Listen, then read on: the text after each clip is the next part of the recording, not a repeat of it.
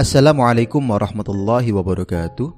Innal hamdalillah nahmaduhu wa nasta'inuhu wa nastaghfiruh wa na'udzu billahi min syururi anfusina wa min sayyiati a'malina may yahdihillahu fala mudhillalah wa may yudlilhu fala hadiyalah.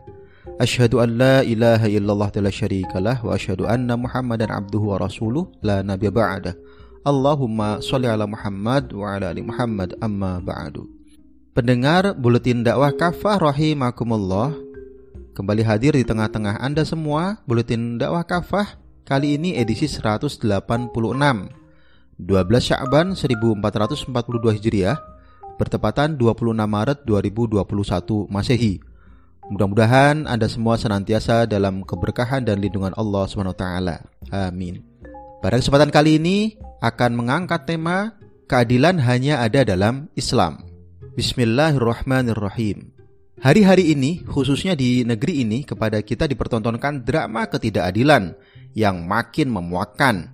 Di dalam sistem demokrasi sekuler yang menerapkan hukum-hukum buatan manusia, keadilan menjadi semacam barang mewah, sulit dinikmati oleh rakyat kecil dan lemah. Keadilan seolah hanya milik para pejabat dan mereka yang hidup mewah. Di negeri ini, rakyat kecil yang terpaksa mencuri barang tak seberapa karena lapar bisa dijerat hukuman beberapa bulan.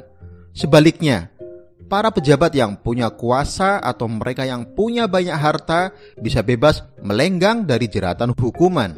Padahal mereka telah menilep miliaran hingga triliunan uang negara. Hari ini, mereka yang pro rezim tetap aman, tak tersentuh hukum. Padahal mereka berkali-kali melakukan tindakan kriminal, menghina Islam, menista ulama dan santri dan sebagainya. Sebaliknya, hanya karena kesalahan kecil asal dari pihak yang sering kritis terhadap rezim, mereka dijerat dengan hukuman yang berat.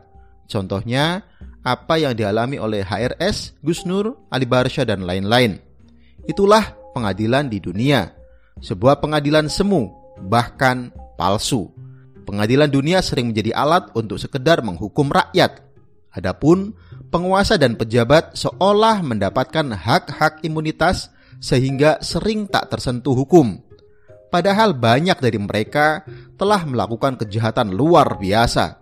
Misalnya, korupsi miliaran hingga triliunan rupiah uang negara.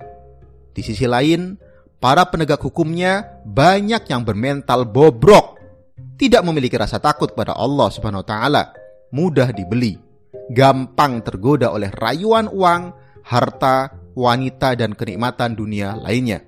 Mereka seolah lupa bahwa meski mereka lihai mempermainkan hukum di dunia, juga meski mereka sering lepas dari pengadilan manusia di dunia, mereka tak akan pernah bisa melepaskan diri dari hukuman Allah Subhanahu wa taala di pengadilan akhirat. Pendengar rahimakumullah keadilan hanya dalam sistem Islam. Salah satu puncak peradaban emas khilafah adalah penerapan syariah Islam di bidang hukum dan peradilan. Keberhasilan yang gemilang di bidang ini membentang sejak sampainya Rasulullah Shallallahu Alaihi Wasallam di Madinah tahun 622 Masehi hingga tahun 1918 Masehi atau 1336 Hijriah ketika Khilafah Utsmaniyah jatuh ke tangan kafir penjajah atau Inggris.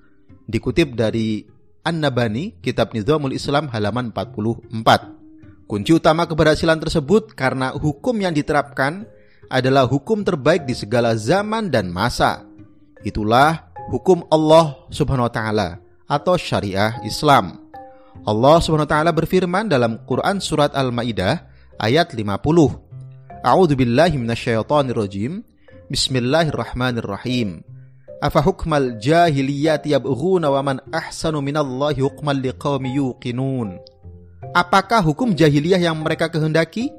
Hukum siapakah yang lebih baik daripada hukum Allah bagi orang-orang yang yakin?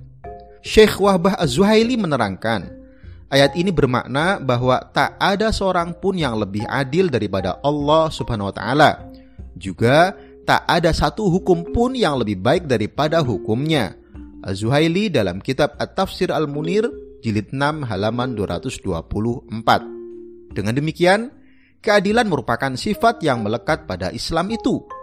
Allah Subhanahu wa taala berfirman dalam Quran surat Al-An'am ayat 115. A'udzubillahi minasyaitonirrajim. Bismillahirrahmanirrahim. Wa tammat kalimatu rabbika syudqan wa adla.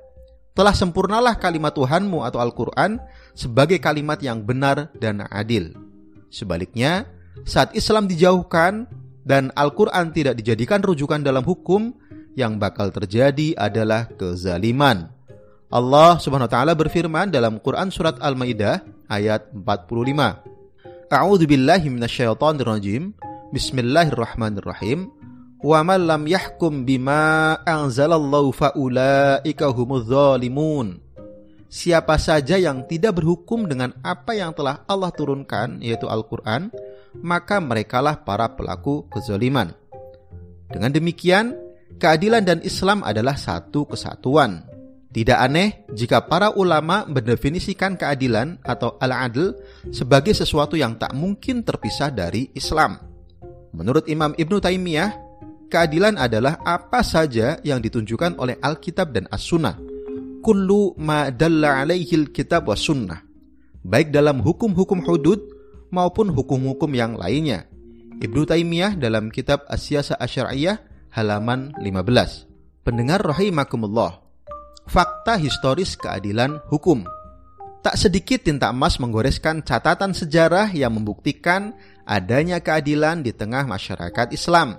Di antaranya adalah kisah sengketa baju besi Khalifah Ali bin Abi Thalib radhiyallahu an dengan seorang laki-laki Yahudi. Diriwayatkan oleh Imam Al-Hakim bahwa baju besi Ali radhiyallahu an hilang pada perang Jamal. Ali radhiyallahu an ternyata mendapati baju besinya di tangan seorang laki-laki Yahudi. Khalifah Ali radhiyallahu an dan orang Yahudi lalu mengajukan perkara itu kepada hakim bernama Shuraih.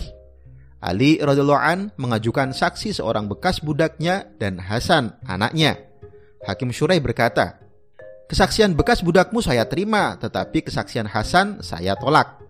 Ali radhiyallahu an berkata, "Apakah kamu tidak pernah mendengar Rasulullah shallallahu alaihi wasallam bersabda bahwa Hasan dan Husain adalah penghulu para pemuda penghuni surga?" Hakim Syurai tetap menolak kesaksian Hasan. Ia lalu memenangkan si Yahudi Syureh kemudian berkata kepada orang Yahudi itu, "Ambillah baju besi itu." Namun, Yahudi itu berkata, "Amirul Mukminin bersengketa denganku." Lalu, ia datang kepada hakim kaum muslim. Kemudian hakim memenangkan aku dan Amirul Mukminin menerima keputusan itu. Demi Allah, Andalah yang benar. Amirul Mukminin, ini memang baju besi Anda. Baju besi itu jatuh dari unta Anda, lalu aku ambil. Aku bersaksi bahwa tiada Tuhan yang patut disembah kecuali Allah dan bahwa Muhammad adalah Rasul Allah. Ali radhiallahu berkata, "Karena Anda sudah masuk Islam, kuberikan baju besi itu untukmu." Al-Kandahlawi dalam kitab Hayat Sahabah jilid 1 halaman 146.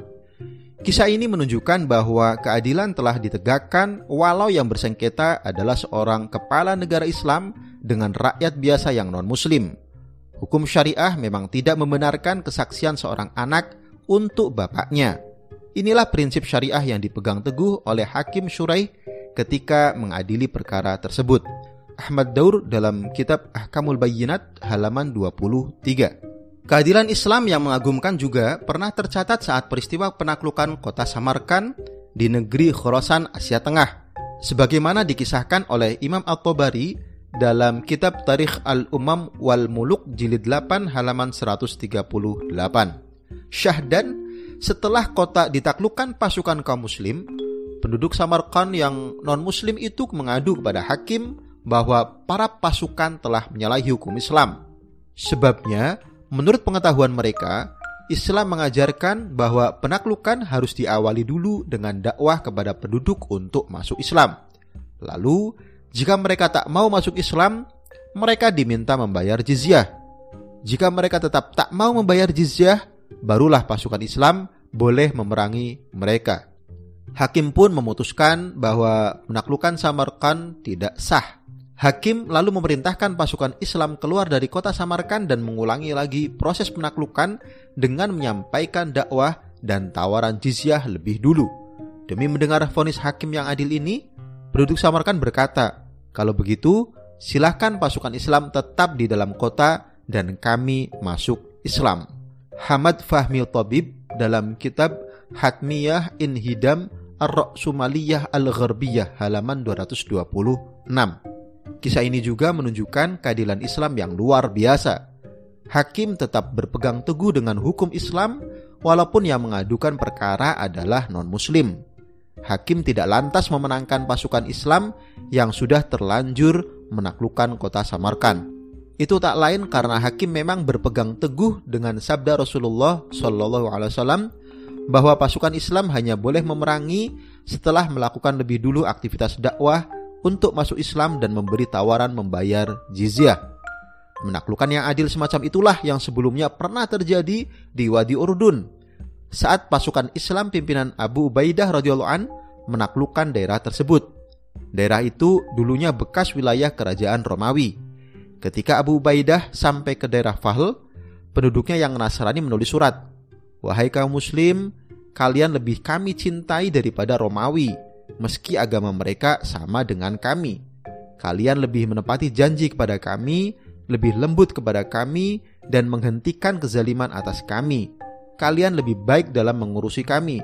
Romawi hanya ingin mendominasi segala urusan kami dan menguasai rumah-rumah kami. Hamad Fahmi Tabib dalam kitab Hatmiyah Inhidam Ar-Sumaliyah Al-Gharbiyah halaman 228. Inilah keadilan hakiki yang berhasil diwujudkan Islam.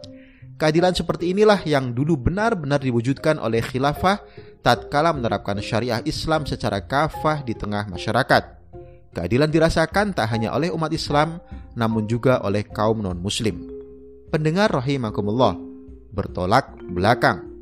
Fakta di atas sangat bertolak belakang dengan situasi umat Islam sekarang, terutama setelah khilafah Islam di Turki dihancurkan pada 3 Maret 1924. Sejak itu syariah Islam pun dicampakkan. Hukum yang diterapkan bukan lagi syariah Islam, melainkan hukum yang dibuat oleh manusia. Akibatnya, mereka jauh dari hukum Allah Subhanahu wa taala. Dengan sendirinya mereka jauh dari keadilan. Sebaliknya, mereka terus-menerus ditimpa berbagai kezaliman yang dipaksakan dan dilegitimasi atas nama sistem demokrasi yang kufur. Sampai kapan semua ini berakhir? Tentu sampai umat Islam kembali menerapkan syariah Islam secara kafah dalam seluruh aspek kehidupan. Wallahu alam biswab. Demikian materi Buletin Dakwah Kafah edisi 186 Keadilan hanya ada dalam Islam. Terima kasih. Wassalamualaikum warahmatullahi wabarakatuh.